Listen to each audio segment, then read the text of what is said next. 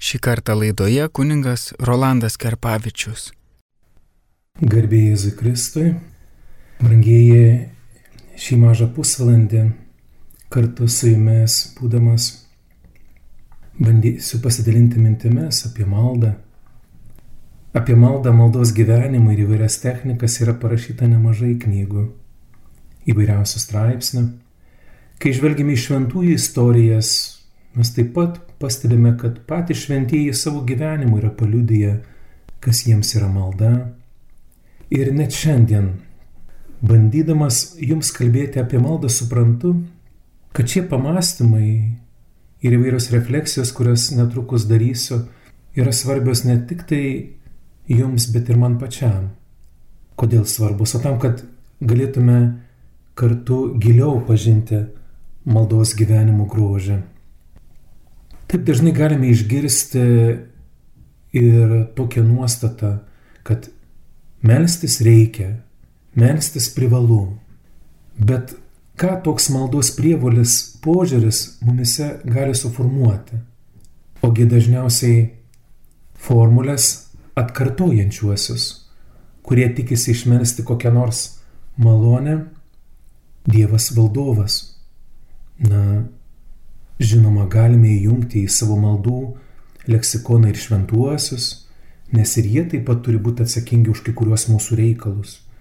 Šie šventieji yra tarytum specialistai tam tikrų malonių, išprašyti padedantieji. Ir galėčiau visą tai tęsti, bet pamėginkime savęs paklausti, o kur toli mes su tokia maldos samprata ir su tokiu nusistatymu, kur mes toli nukeliausime? Kur link tokia santykio su Dieva ir maldos samprata mus nuves? Mes galbūt bandysime ryto vakaro maldose savąjį Dievą informuoti apie kokius nors dalykus, tarytum Dievas nežino, kas su mumis vyksta.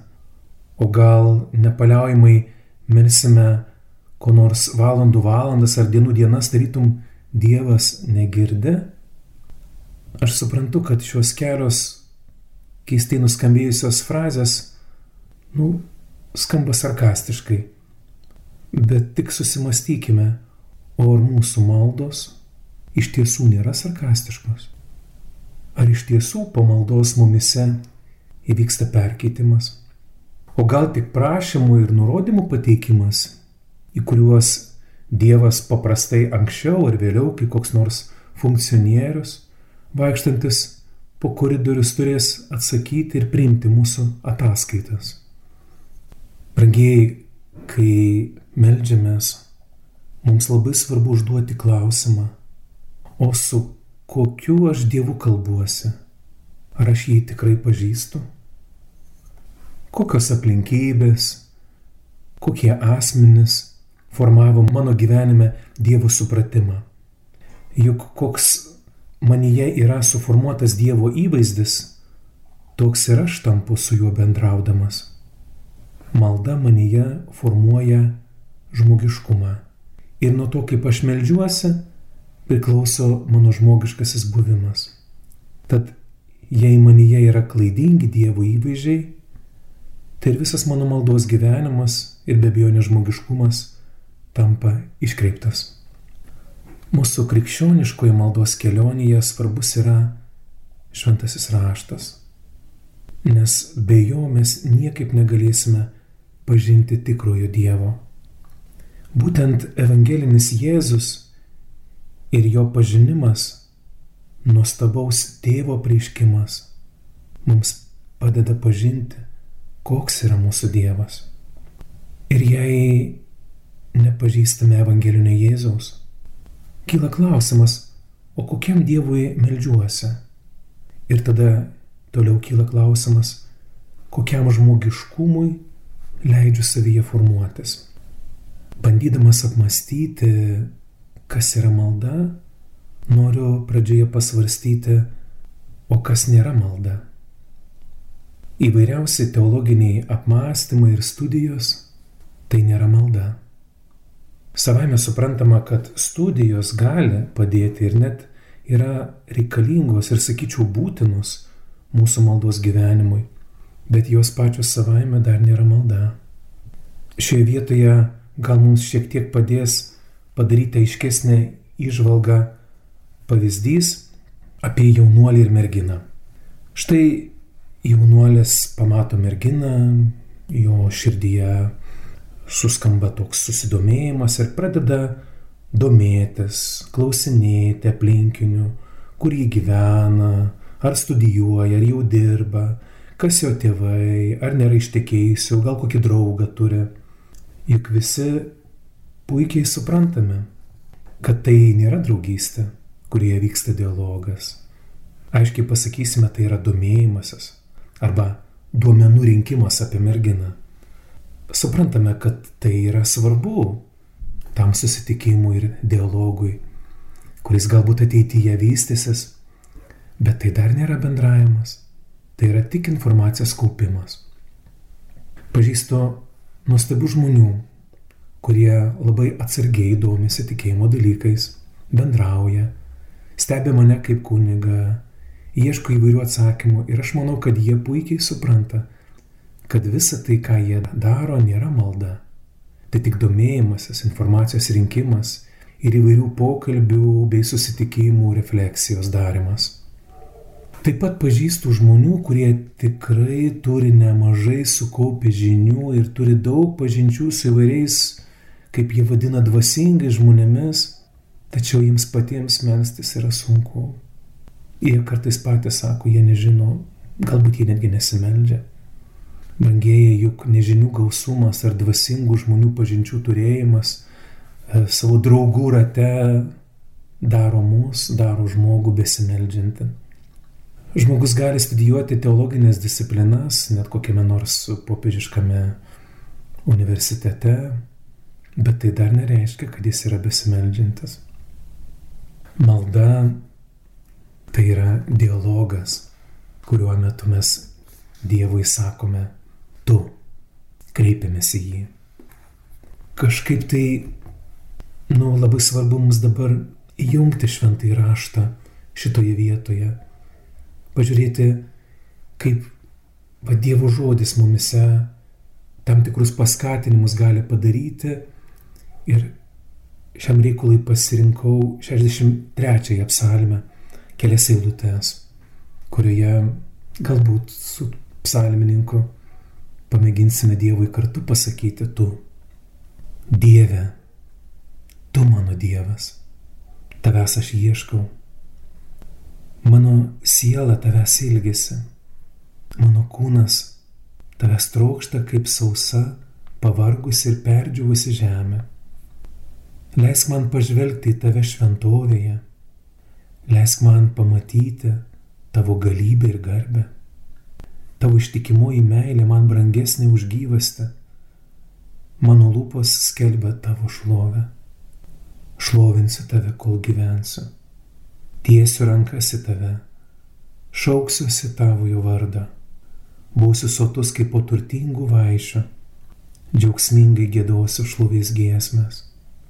Gulėdamas guolyje, tave menu per visą naktį mastau, kad tu mano pagalba ir tavo sparnų auksmėje krikštauju džiaugsmo. Glaudžiuosi prie tavęs. Tavo dešinė mane palaiko. Psalmėje atskleistas tas ilgesys, Dievo troškimas, būti su juo, bendrauti su juo, kreiptis į jį. Tai visiškai skiriasi nuo, nuo įvairių ataskaitų, kurias mes kartais galbūt įsivaizduojama maldoje pateikiminėjame Dievui. Žmogus trokšta Dievo, mano tavo širdis trokšta Dievo. O ar Dievas trokšta mūsų? Ar jis ilgisi mūsų? Taip. Girdime mes per pranašus, ar per pranašą Izaiją, Jeremiją, ar per kitus. Mes girdime Dievo žodžius. Girdime tą kvietimą ateiti. Dievas trokšta mus apkabinti. Taip, Dievas mus myli, Dievas irgi mūsų ilgės ir laukia. Jis nelaukia, kol mes būsime geri ir pasikeisime ir tik tada jis mus mylės. Ne, ne, ne. Čia taip dažnai būna pas mus žmonės. mūsų žmogiški matavimai, skaičiavimai, vertinimai. Vat padarėjai taip, atlikai, gauni prizą, o ne, tai palauksi. Dievas mato kitaip. Dievas vertina kitaip. Pas Dievą viskas yra kitaip, jo logika yra kitokia. Viešpats dėl žmogaus, dėl manęs, galėtume sakyti labai paprastai, jis pametė galvą. Eikime toliau, bandydami surasti ir įvardinti dalykus, kurie nėra malda, mes taip pat galima tai atrasti, kas, kas jį iš tiesų mums yra. Dabar labai trumpai pamėginkime apie emocijas pakalbėti. Kaip su jomis yra viskas. Emocijos taip pat nėra malda. Na tik įsivaizduokime, piligriminė kelionė, kokie keturi, penki autobusai keliauja į kokią nors šventovę, ar į kokį nors tai, pavyzdžiui, Romos miestą, čia jau, čia gitaros, čia šokiai giesmės, nuotraukos, filmavimas, labai visko daug, gražu, sutinku, taip gražu, miela, gera, gera nuotaika. Bet jei visa tai mus kaip bendruomenės neveda į susitikimą su viešpačiu, visa tai pasilieka tik gražiai išorė emocijos. Emocijos svarbios yra tiek, kiek nukreipia mus kaip bendruomenė į Kristų. O jeigu pasiliekame tik, tik emocinėme savęs ir savo gabumo pasirodymo ligmenyje, visa tai pasitarnauja tiesiog paprastam emociniam savęs patenkinimui. Ko iš tiesų mes norime, bet va, taip yra. Gražu, emocijos gražu, bet tai dar ne malda. Mes galime įsivaizduoti, kad tai yra malda, bet emocijos. Mm, eikime dar toliau. Dar vienas pamastymas. Įvairiausias technikų ir metodikų ieškojimas ir pasilikimas ties jomis taip pat nėra malda. Bet pasitaiko atveju, kai tikintieji praktikuoja įvairias maldos technikas ir metodikas, apie susikoncentravimą ties savimi, nurimimą, atsipalaidavimą. Ir tos įvairios technikos, metodikos neretai tampa ir susipriešinimu vieni su kitais momentu.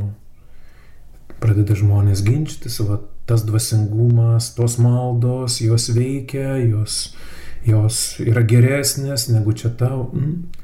Pagalvokime, brangieji. O kur, kur čia yra Dievas? Čia esame paprasčiausiai mes. Mes įvaldę tam tikras technikas, metodikas. O kur Dievas? Aš sutinku, kad įvairūs pratimai yra svarbus tam, kad nurimtume. Bet tai neturėtume ties to sustoti. Reikia eiti gilin. Reikia susitikti ir kalbėtis su viešpačiu, o ne pasilikti ties tą metodiką. Metodika gali būti kaip priemonė, bet ne tikslas. O kaip dažnai būna, kad apverčiama viskas aukštinkojam. Tikslas mūsų yra dialogas. Ir visa tai, kas padeda mums ateiti į tą santykį su tu. Šalia įvairių technikų ir naudojimo metodikų taip pat galima užstrikti ties formulių kartojimu. Iš tiesų, brangieji, tik formulių kartojimas dar nėra malda. Tai gali mus paruošti, tai gali mus nuteikti maldai. Bet pats savyje kartojimas tai nėra malda. Kai vyksta mūsų susitikimas su kitu asmeniu, mes keičiamės. Susitikimo metu, sakyčiau, vyksta mainai. Po kiekvieno susitikimo su kitu mes išeiname irgi kitokie. Ir priklausomai nuo to, ką mes sutinkame, ir kokie mes patys tuo metu esame. Arba mes prisipildome gerumo, atvirumo, meilės, artumo, arba tiesiog jaučiamės kaip ir apiplėšti, arba tiesiog mūsų vidinį pasaulį apima tuštuma, liudesys, beprasmybė. Manau, kad tikrai esame patys buvę ar matę mylinti žmogų. Nu, va koks jis yra. Kai žmogus myli, jis tiesiog jis įspindi, jis šviečia. jis yra laimingas. Pažvelkime į laimingą vaikutį, kuris yra saugus, meilės ir gražaus rūpešio apsuptas. Jis tiesiog krikšto iš džiaugsmo, jam yra gera. Arba pastebėkime, kai, bet kas klausotės ir esate tėvai, prisimenat, kai jūsų sunus ar dukra sutiko mylimą žmogų. Nu, jis, jis sugrįžo, jis, jūs matot, kad kažkas tai, kažkas tai yra kitaip, juose kažkas vyksta. Taigi kai vyksta susitikimas, vyksta tie mainai, vyksta tas perkeitimas, visą, visą tai tampa regima netgi mūsų išorėje. Taigi susitikimas perkeičia. Ir po perkeitimo mes spinduliuojame tą šviesą ir tą dvasę, kuri pripildė mūsų vidų, pripildė to gerumo, tos ramybės, tos palaimos, to pakilimo. Taigi kas yra malda? Brangiai ir visa tai, ką kalbu, tai taip pat nėra malda. Nes malda nėra kalbėti apie Dievą. Malda yra kalbėtis su juo. Dar kartą kartuoju, malda nėra kalbėti apie Dievą, bet kalbėti su juo. Kalbėjome apie Dievą mes galime slėptis. Galime įsivaizduoti, kad melžiamės, bet iš tikrųjų tai taip nėra kalbėdami apie Dievą, kaip jau anksčiau kalbėjau, mes darome tam tikrą refleksiją, studiją, nuo kurios gali mums ateityje padėti, pagelbėti melstis, būti jo sanaus maldoje ir sakyti Dievui tu, kreipti mus visus į tėvą, pasilikti su juo ir leisti jam būti mumise, būti nuolat. O ką reiškia būti nuolat? Ir ką reiškia jį pažinti? Galbūt šitokia maža analogija šiek tiek padės dar labiau visą tai suprasti, galbūt įsigilinti. Vat ką daro mylinti žmona, kai nėra vyro šalia, o jai reikia sužinoti, ką vyras galvoja šituo klausimu ir vat kažkaip tai vat kartu priimti sprendimą. Nu, jinai paprastai kažkokiu tai būdu stengiasi su vyru susisiekti. Nu, kalbėkime dabar apie mūsų mobilų ryšį. Mm, įjungtas telefonas, skambina vyrui, kalbasi su juo. Na, bet kai žiūrim iš Dievo pusės, mūsų dangiškojo tėvo ryšys yra nuolat įjungtas. Va tėvas būdė ir laukia mūsų, kaip tame palyginime apie sūnų palaidūną, o tiksliau sakytume apie mylintį ir laukiantį gailestingai tėvą. O tėvas laukia, o mes esame kviečiami būti įjungę savo telefoną kalbėti su juo, pasitarti, būti su juo. Tai va, mūsų tas vidinis telefonas pat nuolat įjungtas. Ir kyla klausimas, taigi kokiu dievu tikiu? Ar tikiu dievu, kuris mane myli? O gal apsiriboju ties tikėjimu tokiu dievuku, kuris mane baudžia, taip ir laukia, nuolat kontroliuoja, ką netaip darau.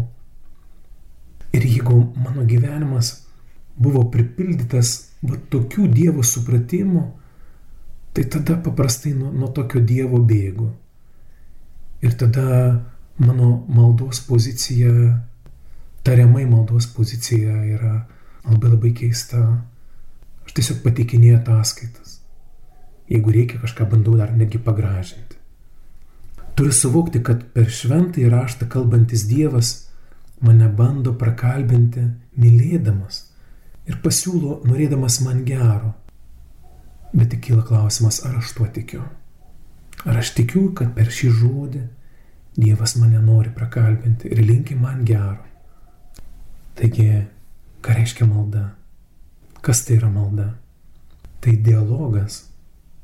Tai dialogas su juo per įsiklausimą ir tai, ką jis Dievas galvoja apie mane mano problemas, mano sunkumus, mano rūpešius. Mes neretai klausomės ir priimame pasiūlymus iš draugų, pažįstamų, kai dar trūksta, kaip liaudės sakytų, smegenų, mes po internetą pranaršom, ten visokiausių idėjų prisirenkame, va televizijos ir kitokio plauko šaumenų ar žvaigždžių iš televizijos ekrano blizgėjimas mumis formuoja, mes tiesiog susinstaliuojame. Ir tai būna labai dažnai. Bet paklauskime savęs, ar norime išgirsti maldos dialogę, ką mums Dievas siūlo? Dialogė. Dialogas tai yra, na, abipusis kalbėjimasis. Įvairius net labai sunkius gyvenimiškus sprendimus pasitarę su Dievu mes turėsime priimti patys. Dažnai būna posakis, žinai, sako kūnygė, dabar tokie laikai, nėra laiko tiek melstis. Man atrodo, kad yra daug svarbesnių dalykų, kuriuos galėčiau padaryti. Bet pagalvokime, o kokios dažnai pasiekmes būna iš tų mūsų, dar kartelį pasikartosiu, mūsų be maldos padarytų sprendimų? Nu, tai būna puikybės lietkalniai kažkokie tai, jie užšaldo, net sakyčiau, sudrasko mūsų santykius. Galėtume bandyti teisintis, nu, aš Dievo negirdžiu, Dievas man nekalba, aš jo nematau. Taip, gali būti taip, kad tau, kad tau nekalba jis, nes tu jo nepažįsti. Nepažįsti. Jeigu tu pažintum, jis tau kalbėtų. Vėl pavyzdys, tokia galbūt keista analogija, bet o žmona, kuri pažįsta savo vyrą, arba vyras, kuris pažįsta savo žmoną, net tada, kai jo nėra ar jos nėra šalia ir net nejaučia jo fiziškai ar jos, vis dėlto žmona ar vyras supranta, kas jam ar jai brangu, ko jam reikia. Tad jei pažįsta Evangeliją, žinau, ką ji man sako. Štai ką reiškia melstis su šventuoju raštu. Pažinti jo žodį. Štai ką reiškia pažinti, ką jis man kalba įvairiose gyvenimo situacijose.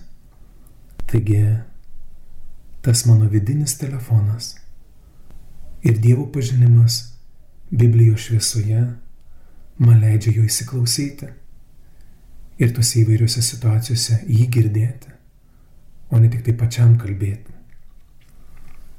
Kartais lygoje ar stipriuose suspaudimuose žmonės iškelia Dievui sąlygas, kad jis tuoj pat čia stebuklą paimtų ir padarytų.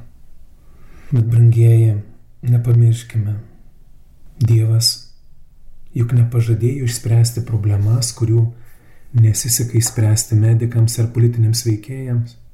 Ne, jis to tikrai nežadėjo. Jis pažadėjo mums duoti šviesos. Šviesos, kaip reikia gyventi tais sunkiais momentais. Jis duoda šviesą suvokti, kokia šios lygos ar šitos keistos situacijos prasmė. Taigi Jeigu tikrai melžiamės, neišstatinėkime Dievui sąlygų ir nepaverskime jį burtininku, mosuojančiu kažkokią stebuklingą lasdelę, tarytum jis viską turėtų išspręsti ir ištaisyti. Turime neužmiršti, kad Jėzus taip pat meldėsi. Jis taip pat turėjo įvairių sudėtingų situacijų. Prisiminkime, Evangelijoje yra irgi užrašyta tai, kad jį nekartą norėjo jau užmušti, pagriebę akmenis, kaip kokį nors kryvatikį. Bet, bet jis tada išsprūdo jiems iš akių. Tiesiog pasišalino, nes dar nebuvo atėjęs laikas. Ir vat tas momentas alyvų sode malda. Ir po šitos maldos įvyksta tas sprendimas. Jis leidžiasi suimamas. Mm, ar Jėzus galėjo pabėgti ir tą vakarą? Taip, galėjo. Bet būtent tėvo artumoje būdamas priėmė šį sprendimą, kas logiškai žiūrint atrodytų labai keista. Dievas kitaip žiūri, Dievas kitaip masto. Kai myli, kitaip matai. Maldai reikia tylos, o mes bijome jos. Nes būnant tyloje iškyla kai kurie dalykai į paviršių, iškyla mums vienatvės, liūdėsio ir nerimo akimirkos, apleidimas, savygailos, galėtume sakyti, tyla apnuoginamos. Ir atvirkščiai būdami triukšme, mes visokiausiais kartais karmalais būname apsikrovę. Mes netgi prasmirdimo šitų skarmalų netgi nebeužuodžiame. Jo, bet tyla tikrai mus apnuogina. Ką viešpats kviečia Evangelijoje mus daryti? Mums kviečia eiti į kambarėlį, į tą uždarą kambarėlį ir melstis tėvui esančiam slaptoje. Į kokį kambarėlį? Į kambarėlį, kuriame mes tenksime išvengti kažkokių kitų garsų, kitos šviesos, kuri mums trukdytų susitikti su tėvu. Į kambarėlį, kuriame yra tik tai tėvo šviesa ir jo balsas, kuris mane prakalbina. Ir tame prakalbinime suteikia man prasmės. Tad ir aš ir tu, brolis, esame, esame kviečiami įdėti visas pastangas, kad šitame susitikime mus neblaškytų kažkokie tai blizgučiai, kad šitame kambarėlyje būnant mums atsiskleistų tėvo meilio žvilgsnis į mane, pirmiausia į mane. Esu kviečiamas leisti savo vidų išgirsti tėvo paraginimą, kaip elgtis toliau ir ką toliau daryti. Tai toks kambarėlis. Ir kai išeisiu iš šio maldos kambarėlio, kuriame buvo tik tėvo šviesa, kur kalbėjai su juo, tada juk pradėsi ir aš ir tu galvoti kaip jis, mąstyti kaip jis ir mylėti kaip jis. Malda Dievo nepakeičia. Malda pakeičia tą, kuris meldžiasi, kuris nori būti panašus į Dievą, kuris nori turėti Dievo širdį žvilgsnį melsdamasis tampi žmogumi. Kaip suprantame, žmogiškumas nepriklauso nuo formulių kartojimo, bet nuo maldos. Nes formulės gali pakartoti ir papūga, išmokyta. Žmogiškumas priklauso nuo maldos, kurioje susitinki mylinti, atleidžianti ir gailestingai Dievą. Būti žmogumi reiškia būti besimeldžiančiu ir nuolat susitinkančio su mane nuolat kuriančiu tėvu. Taigi, kas yra malda? Bandžiau šį pusvalandį kartu su jumis, brolis esą, reflektuoti. Malda tai žvilgsnis į Jėzų, į jo veidą ir atpažinimas begalinės tėvo meilės.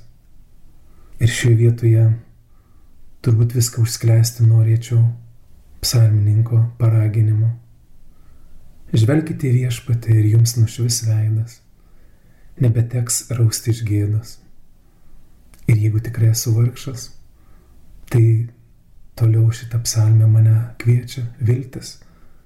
Štai vargšas šaukės ir viešpats išgirdo ir iš visų bėdų išvadavo.